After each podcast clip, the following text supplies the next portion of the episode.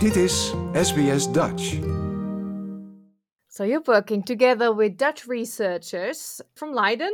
Yeah. What are you researching at the moment? Yep. So um, there is a condition called cerebral amyloid angiopathy or CAA. Uh, this is a mouthful sort of, you know, uh, term, but it's quite serious because in older adults it results in brain bleeding or brain hemorrhage, and also it significantly increases the chances of someone's developing dementia later in their life. Um, however, there is a specific condition that is CAA or cerebral amyloid angiopathy, but it's seen in younger individuals. And this is only caused because of some mutations in specific genes. And one of these mutations result in what we call as Dutch type CAA. And why is it called Dutch? Yeah, well, that's that's a good question. Um, this is actually the most common form of uh, young onset genetic form of CAA, and it's uh, for the first time it was identified in the Netherlands Ah. in a um, countryside uh, uh, place called Katwijk, if I'm pronouncing it correctly. Yeah, Katwijk. Uh, yeah, Katwijk. Uh, that's that's the one. Uh, and uh, then um, individuals uh, f- with that mutation have moved around from Katwijk to different places, and one of these places was, of course, Australia. So we came to know individuals uh, who have this mutation and live in Western Australia for some time and, and then through them we started a research project and then later on we were connected with our colleagues uh, at Leiden University Medical Center. And so now we are collaborating on this research together. Yeah. So first diagnosed in the Netherlands. How can you explain this? Is this something to do with the Dutch environment, or do you know where that's coming from? Yeah, well, um, it seems that at some point during our sort of history, there is a change in a specific gene that has happened. And this may not have anything with the environment. Uh, it has happened as, as uh, part of our, our evolution. So, this, this genetic mutation or change in our uh, specific gene uh, which is, um, by the way, on uh, chromosome 21, and it's called APP uh, or amyloid precursor protein. Um, so this mutation specifically results in brain hemorrhage in younger age. But if individuals live long after several hemorrhage or several strokes, then they will develop dementia. Um, and and so Caused by the damage done by the bleed. Exactly. Yeah. Exactly.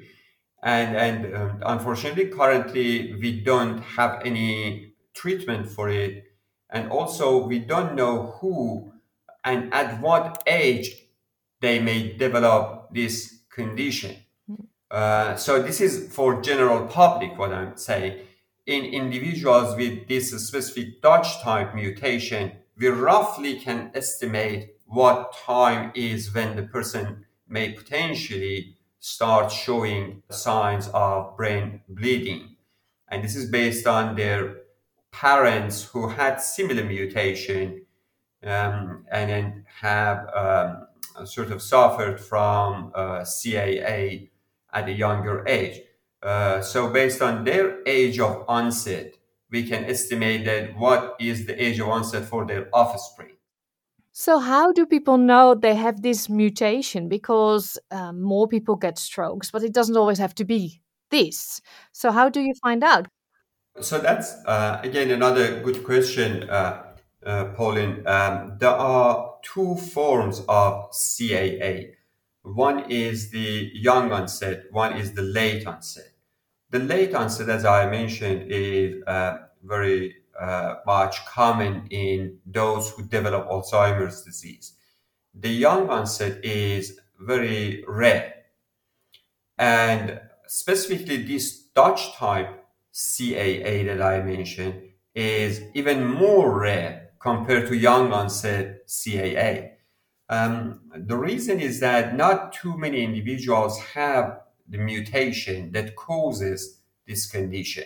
So if someone had a or has a parent that have had a young onset stroke before age 60 65 and they're from Dutch background, then there is a possibility that they might have had this mutation because we usually, uh, well, we always receive such mutations from our parents. It could be our mom or dad.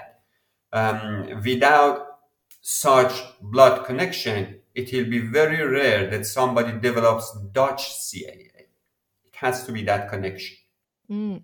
So, is it a given fact that if you have these gene 21, you said, um, that you will have a brain bleed, or can you be lucky and not have any problems until you're getting older and then develop Alzheimer's, and then you find out, hey, that's related too? So, so um, this this uh, specific uh, gene that I mentioned, um, APP, uh, we all have it However, there is a specific change that happens in this gene, and that causes this Dutch type mutation.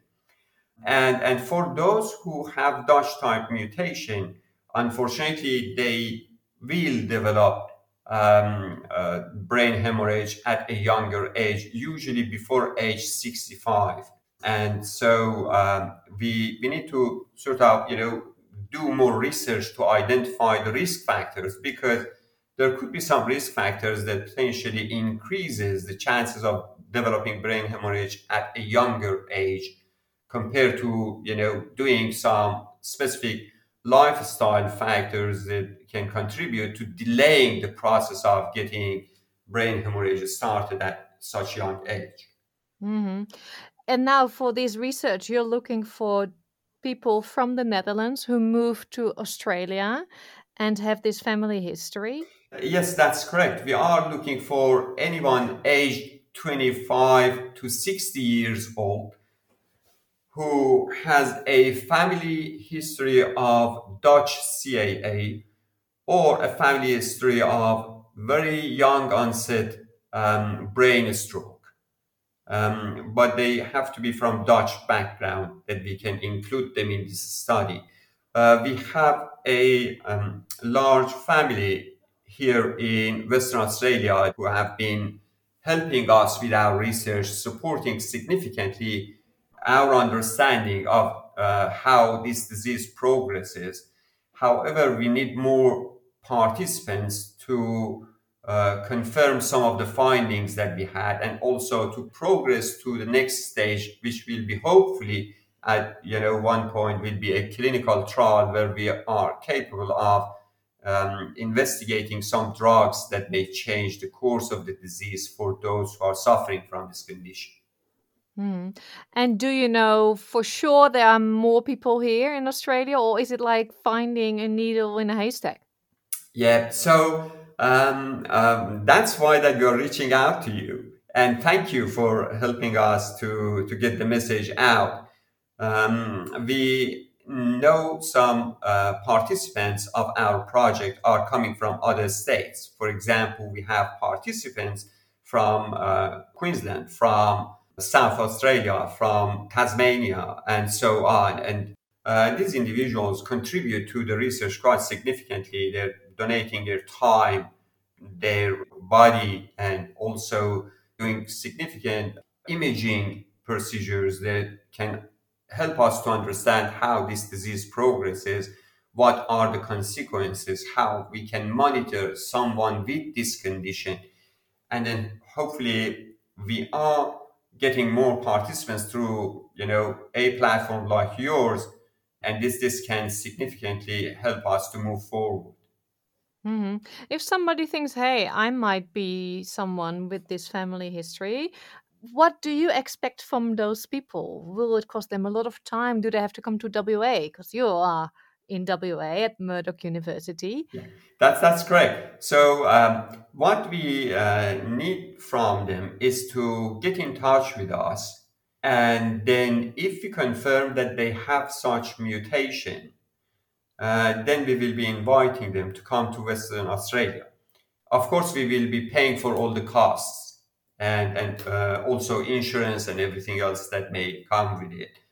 That way, we minimize the burden to someone who wants to be a volunteer in this study.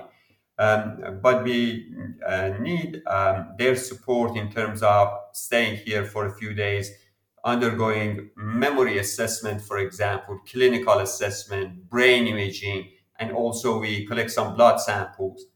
Then, based on uh, the information that we collect, we ask them to come back for another round of assessment over 12 months. So, this, this project is expected to be finished hopefully by the end of 2024.